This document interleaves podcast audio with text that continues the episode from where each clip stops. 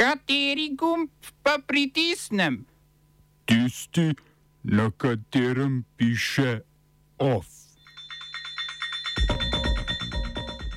Gospodarska skupnost zahodnoafriških držav ustanavlja skupno vojaško silo.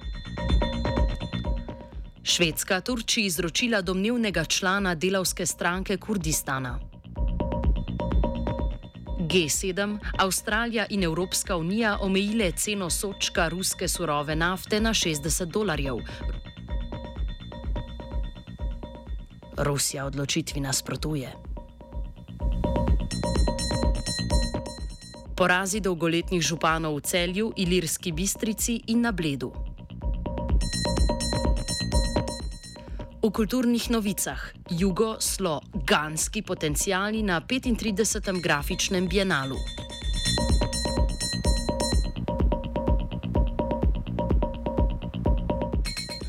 V drugem krogu lokalnih volitev za župane je v celski mestni občini slavil Matija Kovač, predlagan z glasovi skupine voljivcev v dosedanjem sklicu mestni svetnik stranke Levica.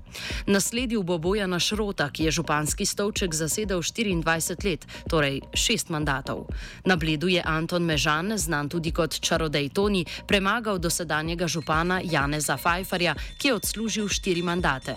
Novega župana po treh mandatih Emila Rojca dobiva tudi Ilirska bistrica, kjer je v drugem krogu zmagal Gregor Kovačič. Kandidiral je z lastno listo.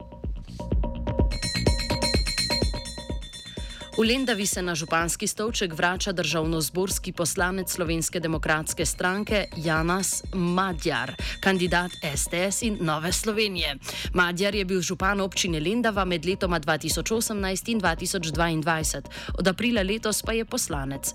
V parlamentu ga bo ob začetku opravljanja županske funkcije predvidoma nadomestil Andrej Kosi iz Ormoža, ki je bil peto uvrščeni kandidat SDS v osmi volilni enoti na letošnjih državno-zborskih zborskih volitvah. Ker je SDS dobila štiri poslanska mesta za osmo volilno enoto, Kosi aprila ni postal poslanec. Več o drugem krogu lokalnih volitev v današnjem offsajdu ob petih. Nadaljujemo na tujem. Evropska unija, skupina G7 in Avstralija so omejile ceno ruske surove nafte, dobavljene po morju, na 60 dolarjev na soček. Hkrati stopa v veljavo embargo na uvoz ruske nafte po morju v Evropsko unijo. Podjetja, pripravljena v državah G7, ki se ukvarjajo z uvozom nafte in s tem povezanimi posli, bodo primorana dobavljati rusko nafto po ceni največ 60 dolarjev na soček. V to naj bi podjetja prisilili predvsem z izdajo pomorskih zavarovanj, saj je okrog 90 odstotkov svetovnega pomorskega pretvora zavarovanih v državah G7. Brez omejitev bosta nafto dobavljali Mačarska in Slovaška, ki sta zaradi geografske lege odvisne od ruske nafte, ki priteče po naftovodih. Ukrep prav tako ne bo imel vpliva na rusko prodajo nafte, denimo na Kitajsko ali v Indijo. Predlogu sta sprva nasprotovali Poljska in Ukrajina, ki sta želeli ceno nafte na sod še znižati, a sta odločitev po pogajanjih podprli. Skupina G7 trdi, da bo omejitev cene ruske nafte pomagala globalnemu gospodarstvu in revnejšim državam, saj naj bi se naraščanje cen nafte s tem ukrepom ustavilo, hkrati pa naj bi gospodarsko prizadela Rusijo z namenom, da bi imela čim manj sredstev za financiranje vojne v Ukrajini. Rusija omejitvam cen seveda nasprotuje. Iz Rusije zagotavljajo, da bodo še naprej iskali rešitve za prodajo nafte po tržnih cenah, ki so za rusko nafto trenutno prav okoli 60 dolarjev na soček ali nekoliko nižje.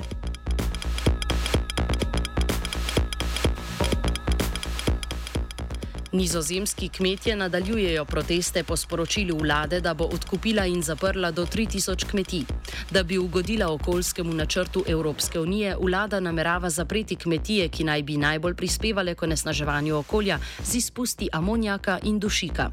Ministrica za okolje in program za dušik Kristijane van der Waal kmetom v zameno za zaprtje kmetij obljublja izplačilo več kot 100 odstotkov njihove vrednosti. Kmetijsko ministrstvo sicer trdi, da je to le ena izmed več možnosti ponujenih največjim onesneževalkam.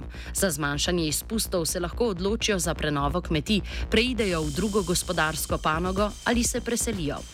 Po raziskavi, ki jo je naročila nizozemska vlada, bi se s tem ukrepom do leta 2030 število živine zmanjšalo za približno tretjino. Nizozemski kmetje sicer protestirajo že od leta 2019, ko je Evropsko sodišče odločilo, da je nemogoče dokazati nenevarnost razširjenja vrste dušikovega gnojila za območja Natura 2000. Oktobra so kmetje z več tisoč traktori blokirali promet in na druge načine izražali svoje nestrinjanje z vladnimi nakanami. Nizozemska je sicer drugi največji izvoznik kmetijskih izdelkov na svetu.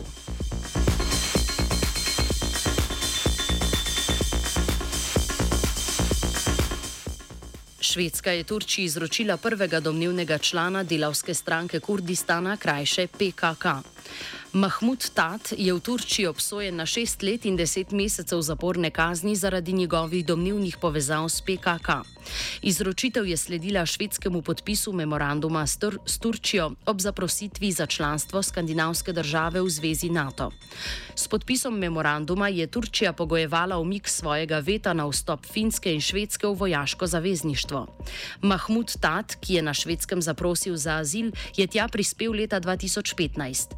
Na švedskem živi več kot 100 tisoč kurdov, večina jih je tja odšla zaradi ekonomskih razlogov in sistematičnega zatiranja, ki so ga deležni v svoji domovini.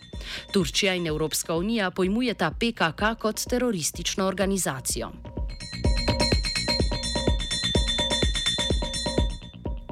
Iranski generalni državni tožilec Mohamed Džafar Montazeri je sporočil, da je iranska moralna policija razpuščena. Drugi državni organi razpustitve moralne policije niso potrdili, glede tega pa so skeptični tudi iranski mediji. Najava sledi večmesečnim protestom po smrti Mese Amini v policijskem pridržanju. Moralna policija jo je aretirala, ker je v javnosti snela hijab. Moralna policija je Irankam iz belo-zelenih kombijev zapovedovala, naj si popravljajo na glavne rute in jih odvedla v centre za preuzgojo, če se jim je to zdelo potrebno. Montazeri je dejal tudi, da parlament in sodstvo delata na spremembi zakonodaje, ki od žensk v javnosti zahteva nošenje na glavnih rut. Konkretnejših podatkov o tem zaenkrat ni. Protestnice, ki ustrajajo na ulicah že 11 tednov, napovedujejo tridnevno stavko.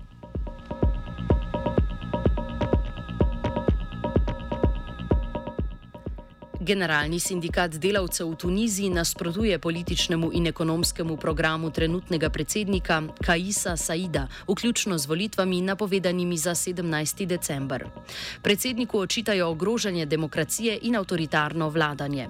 Opozarjajo, da ima sindikat več kot milijon članov in lahko stavko ohromi tunizijsko gospodarstvo. Said je lani razpustil izvoljeni parlament, letos pa je na referendumu uspel potrditi novo ustavo. Ustava zmanjšuje moč političnih strank, saj po novem državljani več ne volijo strank, temveč posameznike.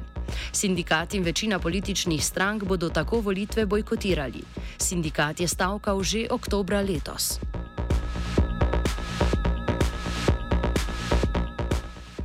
Gospodarska skupnost zahodnoafriških držav ustanavlja združene vojaške sile, ki bodo delovale proti džihadističnim skupinam, zagotavljale varnost in mir ter ponovno vzpostavitev ustavnega reda. Religija je bila prizorišče. Pardon, regija je bila prizorišče številnih državnih udarov.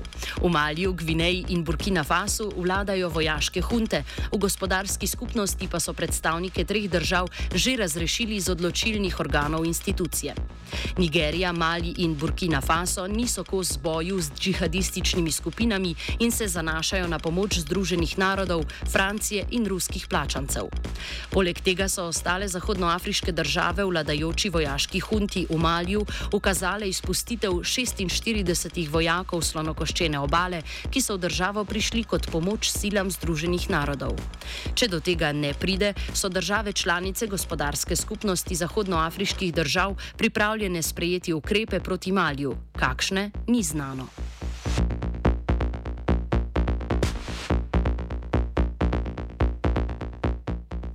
V Salvadorju je okoli 10 tisoč vojakov obkolilo mesto Sojapango v boju proti tolpam. Vse ceste, ki vodijo v mesto, so zaprte. Vojaki preizkujejo hiše in preverjajo identiteto oseb, ki poskušajo zapustiti mesto. Opozicija nasprotuje akciji, saj naj bi bili ljudje aretirani in pridržani brez dokazov. Marca je Naib Bukele, ki prehaja iz vrst populistične stranke Nuevas Ideas, v državi razglasil izredno stanje zaradi nasilja, ki ga izvajajo tolpe.